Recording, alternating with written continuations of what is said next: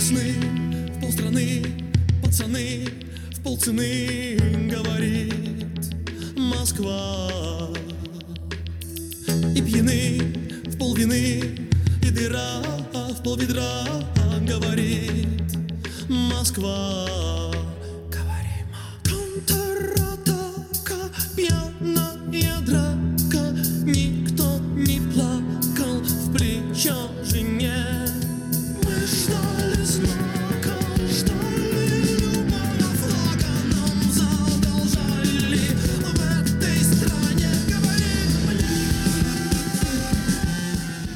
Wtorek doszło do strzelaniny w gimnazjum w Kazaniu. Zginęło co najmniej 9 osób, ranne zostały 23 osoby. Ogień otworzył 19-letni były uczeń tej szkoły Ilnas Galawijew. Został zatrzymany, przyznał się do winy i został osadzony w areszcie śledczym. Moim gościem jest dr Maria Domańska z Ośrodka Studiów Wschodnich. Dzień dobry. Dzień dobry. O samej strzelaninie chyba nie będziemy rozmawiać, porozmawiajmy o tym, jakie wywołała ona reakcje rosyjskich władz. Może zacznijmy od kwestii posiadania broni. Ilnas Galawijew dostał pozwolenie na jej posiadanie całkiem niedawno, a jeszcze w zeszłym roku zdiagnozowano u niego chorobę mózgu. Zapewne w takiej sytuacji możemy przypuścić, że niedługo zostanie zaostrzone prawo do posiadania broni, bo jak się okazuje, ono w Rosji jest dość liberalne. Jest bardzo liberalne i ten skala obrotu bronią jest bardzo duża.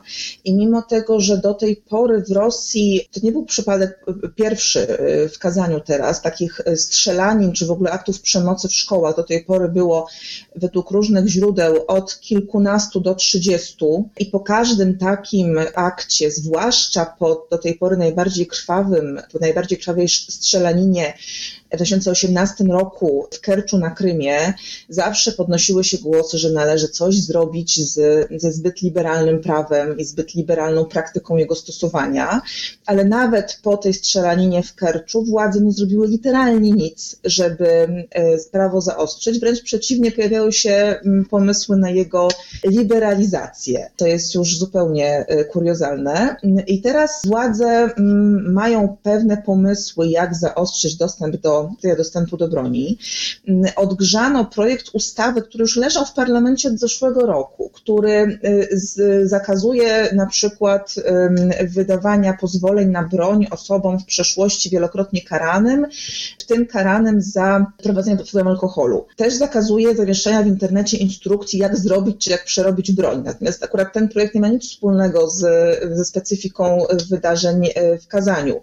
Dużo bardziej racjonalne są pomysły szefa rozwoju Gwardii, zależy tylko jak one będą wdrażane i czy w ogóle, żeby na przykład podwyższyć e, wiek uprawniający do zdobywania licencji na broń, czy, czy zaostrzyć różne inne przepisy, na przykład kto ma prawo wydawać zaświadczenia psychiatryczne czy medyczne w ogóle. Problemem jak zwykle może się okazać ogromna skala e, korupcji w Rosji, bo jeżeli mówimy o tym, że na przykład chcemy przenieść, chcemy zmonopolizować wydawanie zaświadczeń w placówkach państwowych i zabrać takie prawo klinikom prywatnym, no to pytanie jest takie, czy państwowi lekarze są mniej skorumpowani w tym zakresie niż lekarze z placówek prywatnych. Rozumiem, że te przepisy są dość liberalne, że jest łatwo otrzymać broń, tylko skąd ta tradycja, dlaczego one takie są, bo na przykład w przypadku Stanów Zjednoczonych rozumiemy, tak, że jest to pewna tradycja państwa amerykańskiego. Dlaczego w Rosji jest to takie proste, bo to jest jednak trochę paradoks. Mówi się o wpływach lobby myśliwskiego. Ważne jest też to, że w rosyjskim społeczeństwie, i to jest świadomie podsycane e, przez władze, panuje swoisty kult armii i służb specjalnych. E, cała machina państwowa gloryfikuje obrońców ojczyzny, którzy często bardzo, bardzo często po prostu walczą z wrogami wewnętrznymi, ale cała popkultura na przykład też sprzyja takiemu e, kultowi ludzi z bronią, Rytuały, które są dosyć popularne, rytuały przy okazji obchodów Święta Zwycięstwa 9 maja, e, rekonstrukcje historyczne, ubieranie dzieci w mundury, to wszystko wyzwala agresję symboliczną w społeczeństwie. W przedszkolach i szkołach rosyjskich jest program wychowania patriotycznego, które jest zmilitaryzowane. Istnieje pod patronatem Ministerstwa Obrony tak zwana młoda armia, która skupia kilkaset tysięcy dzieci. Dzieci jeżdżą na obozy paramilitarne, gdzie uczą się obsługi broni, gdzie są szkolone w takim duchu, że Zachód zagraża Rosji i należy się szykować do kolejnej y, wojny. W takiej atmosferze myślę, że bardzo łatwo o wyzwalanie agresji na, na poziomie codziennym. Natomiast moje podejrzenie jest też takie, że walka z nielegalnym obrotem broni nie jest priorytetem państwa rosyjskiego. Na pewno tutaj też są takie tradycje kryminalne, tak? Podejrzewam, że po latach 90., kiedy ta broń była rzeczywiście y, nie tylko powszechnie dostępna, ale i często stosowana w rozmaitych porachunkach, to po prostu taki stan rzeczy się utrzymał i mimo, że państwo zacieśniło kontrolę nad sferą kryminalną, to wykształciły się pewne tradycje, y, z którymi teraz władza nie walczy, dlatego że ma inne priorytety. A tym priorytetem jest dławienie działalności opozycyjnej i utrzymywanie kontroli politycznej nad państwem. I na to też wskazują zresztą pierwsze reakcje władz po zamachu w Kazaniu. Właśnie, i o to chciałem zapytać, ponieważ pierwsze reakcje to była właśnie kwestia zaostrzenia kontroli nad internetem. Prawdopodobnie dlatego, że ten sprawca umieścił film, czy też miał kanał w komunikatorze Telegram, w którym umieścił film, gdzie mówił właśnie o tym, co ma zamiar zrobić. Zrobił to już, upublicznił to tuż przed tym zamachem. Niemniej jednak już pojawiły się sugestie, że za to, co on zrobił, odpowiada oczywiście internet, ewentualnie gry komputerowe. To jest taka standardowa reakcja władz na wszelkie zajścia y, w różnych sferach, jakie mają miejsce. To znaczy, defaultowo mówi się o tym, że należy zacieśnić cenzurę i walczyć ze szkodliwymi wpływami e, internetu. To jest też często ubierane w taką retorykę, że należy chronić nieletnich przed szkodliwymi wpływami. I to jest taka domyślna, domyślna reakcja. Natomiast nikt nie pyta o rzeczywiste przyczyny e, tego, że od iluś lat w Rosji zaczęły się strzelaniny w szkołach, tak? A wśród tych y, przyczyn, o które nikt nie pyta, jest chociażby skala przemocy w szkołach wśród rówieśników. Y, prawie 90% uczniów skarży się na to, że stykało się z przemocą w szkołach.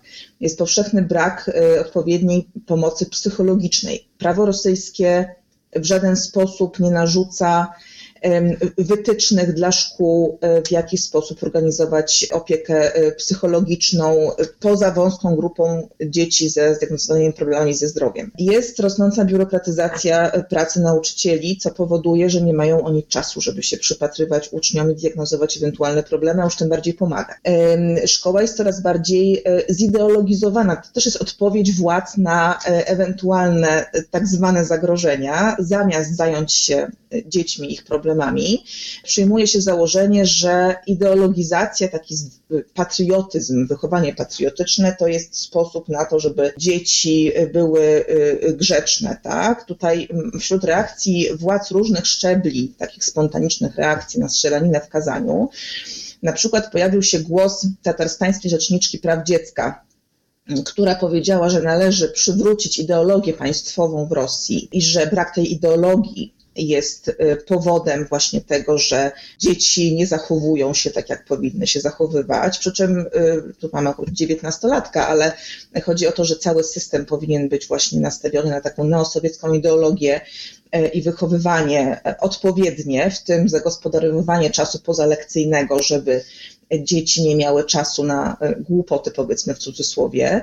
Przypomnę, że rosyjska konstytucja wprost zakazuje ideologii państwowej E, symptomatyczna jest też reakcja władz obwodu murmańskiego, innego regionu Rosji. Ministerstwo Oświaty obwodu murmańskiego zażądało od placówek oświatowych w regionie nie przygotowania jakiejś diagnozy na przykład na temat problemów wśród uczniów czy potrzeb w zakresie opieki psychologicznej, zażądało przygotowania listy uczniów, studentów i absolwentów mających problemy z przestrzeganiem dyscypliny też bardzo, bardzo symptomatyczne kryterium.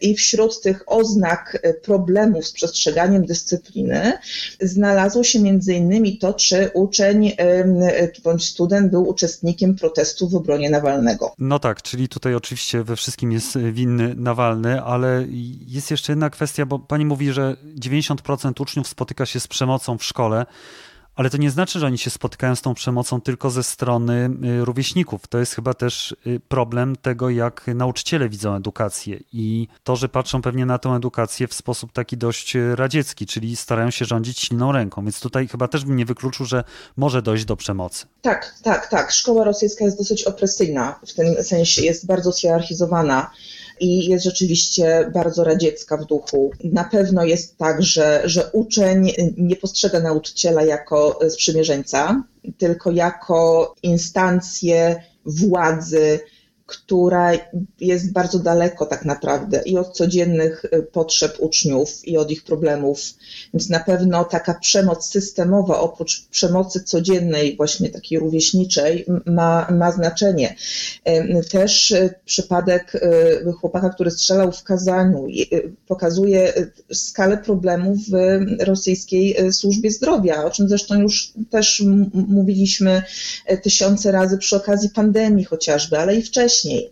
E, niedofinansowana służba zdrowia, e, niedofinansowana e, psychiatria dziecięca, jeżeli w ogóle można mówić o jakimś systemie opieki nad, nad, nad dziećmi z problemami psychicznymi. To wszystko powoduje, że, że do takich sytuacji dochodzi. Tutaj akurat internet miał najmniejszy chyba wpływ akurat w tym przypadku, dlatego że e, Telegram bardzo szybko e, usunął, jak tylko ten film został upubliczniony, Telegram go bardzo szybko usunął. Było to niestety za późno, żeby zapobiec temu wydarzeniu, ale algorytmy i procedury w samym internecie zadziałały tak jak trzeba. Czy to wszystko nie zmierza ku większej kontroli w ogóle zachowania młodzieży, już nie tylko internetu, ale też to, co pani mówiła o tej ideologii państwowej, chociaż jest to akurat propozycja jednego z regionów, jak ja rozumiem. Ale przed wyborami, które się zbliżają, przed wyborami do Dumy we wrześniu, wydaje się, że tutaj władza stara się, może wykorzystać tę strzelaninę jako taki pretekst do jeszcze przykręcenia kurka. Absolutnie tak. Natomiast to nie jest y, przełom w tym sensie, że takie działania są prowadzone od lat już. Y, kolejne zaostrzenie cenzury w internecie to jest rok 2020, to są ustawy z grudnia gdzie y, właśnie prowadzono jeszcze większe niż wcześniej restrykcje, jeżeli chodzi o, o zamieszczanie treści w internecie. Teraz na fali represji przeciwko zwolennikom Aleksieja Nawalnego, uczestnikom pokojowych protestów. Ludzie są aresztowani, zatrzymywani za mm, repostowanie wszelkich informacji na temat protestów na przykład. Bardzo symptomatyczne jest to, że nawet wpisy jakiekolwiek, które mówią o potrzebie pokojowej zmiany władzy, rotacji władzy w Rosji, są uznawane za ekstremistyczne przez organy ścigania. Teraz mamy ten swojego rodzaju przełom, jeżeli chodzi o wniosek o uznanie organizacji Aleksieja Nawalnego, czyli sztabów regionalnych i Fundacji Walki z Korupcją, za organizacje ekstremistyczne. Władza rosyjska wchodzi tym samym na wyższy poziom represji, dlatego że do tej pory walczono z takimi, z opozycją, z aktywistami społecznymi, przy pomocy rozbudowanych stale ustaw o agentach zagranicznych, które nie oznaczały zakazu działalności, ale bardzo ją utrudniały. Natomiast uznanie za ekstremistów delegalizuje działalność takich organizacji w Rosji. Posiedzenie sądu ma się odbyć 17 maja. E, ja nie mam żadnych złudzeń, że sąd się przychyli do wniosku prokuratury i uzna y, organizację Nawalnego za ekstremistyczne, co będzie miało skutki bardzo rozległe i dla członków tych organizacji, i dla ich zwolenników, dlatego że karane są osoby, które w jakikolwiek sposób wspierają takie organizacje, czy finansowo, czy, czy, czy jako wolontariusze chociażby. Dotychczas praktyka prawa rosyjskiego była taka, że na przykład w przypadku zamieszczania w sieci materiałów takich organizacji, prawo potrafiło działać wstecz. I mamy tutaj, te, ta tendencja może być wzmocniona. Jest teraz projekt ustawy w parlamencie, który ma zakazywać osobom powiązanym z takimi organizacjami startowania w wyborach. Przy czym jest tam wyraźny przepis, że to dotyczy osób, które uczestniczyły w jakikolwiek sposób e, w, ta, w działaniach takich organizacji kilka lat przed wyrokiem sądu w sprawie uznania ich za ekstremistów. A przed naszą rozmową czytałem o zwolnieniach w moskiewskim metrze tych osób, które wyraziły poparcie, podpisywały się pod listami poparcia dla Aleksja Nawalnego I mam takie wrażenie, że wszystko to chyba zmierza w Rosji w stronę takiego modelu białoruskiego, gdzie tej wolności jest jeszcze mniej. Kiedyś się mówiło, prawda, o tym, że Białoruś jest takim y, polem y, doświadczalnym właśnie dla y, reżimu w Moskwie, co można zrobić, jak można zrobić. Czy pani też ma takie wrażenie? Ja myślę, że to jest własna logika reżimu rosyjskiego. I mamy oczywiście wieczny problem z nazywaniem pewnych zjawisk, to znaczy od lat mówimy o zaostrzaniu się autorytaryzmu w Rosji. Niewątpliwie Kolejnym impulsem do tego zaostrzania były y, wypadki na Białorusi, która była długo uznawana za taki idealny bastion stabilności autorytarnej. I nagle się okazało, że społeczeństwo uważane za wybitnie bierne i przywiązane do takich y, paternalistycznych relacji władza-społeczeństwo nagle wyszło masowo na ulicę i wychodziło regularnie. I tutaj myślę, że reżim rosyjski postanowił działać, prewencyjnie e, i zdławić wszelką działalność opozycyjną, e, czy szerzej obywatelską, która może nawet potencjalnie zagrażać władzom. Ta działalność jest de facto już w tym momencie kryminalizowana domyślnie. E, działają prewencyjnie w momencie, kiedy jeszcze w Rosji nie ma głębokiego kryzysu gospodarczego, kiedy społeczeństwo stale ubożeje, ale jeszcze nie do takiego stopnia, żeby zaczęły się masowe protesty na tle ekonomicznym i kiedy rating Putina jest dosyć wysoki ten moment uznano za najlepszy, żeby się rozprawić z potencjalnymi ośrodkami protestu. Co jest ciekawe, na celowniku znalazła się, jak powiedziałam, działalność stricte obywatelska, nawet apolityczna. E, przyjęto ostatnio ustawę, która bardzo ściśle reglamentuje wszelką działalność oświatową, edukacyjną, czego wcześniej nie było. Potencjalnie każdemu można zakazać na przykład e, prowadzenia działalności oświatowej w internecie pod postacią jakichś filmików. Do tej pory to była swobodna dosyć działalność. E, teraz trzeba de facto mieć zgodę władz na wszystko. I wiadomo, że tu nie chodzi o to, żeby tropić tych, którzy będą, nie wiem, pokazywali jak gotować, tylko tych, którzy na przykład będą uczyli o prawach y, człowieka, o prawach obywatelskich, o tym, co jest w konstytucji rosyjskiej i jak bardzo władze rosyjskie te konstytucje łamią. Czyli nawet wszelka działalność apolityczna już teraz y, potencjalnie jest y, uznawana za antypaństwową, ponieważ właśnie zwiększa świadomość obywateli e, w ewentualnej walce o ich prawa. E, te zwolnienia w moskiewskim metrze nie są jedyne. Wcześniej zwolniono też grupę dziennikarzy państwowego holdingu radiowo-telewizyjnego za to samo. To nie jest tak, że pracodawca zwalnia dlatego, że człowiek dopuścił się przestępstwa, za które został skazany prawomocnym wyrokiem, tylko za to, że jego dane figurowały w bazie zwolenników opozycjonisty. Wracając do problemów z nazywaniem etapów rozwoju rosyjskiego autorytaryzmu.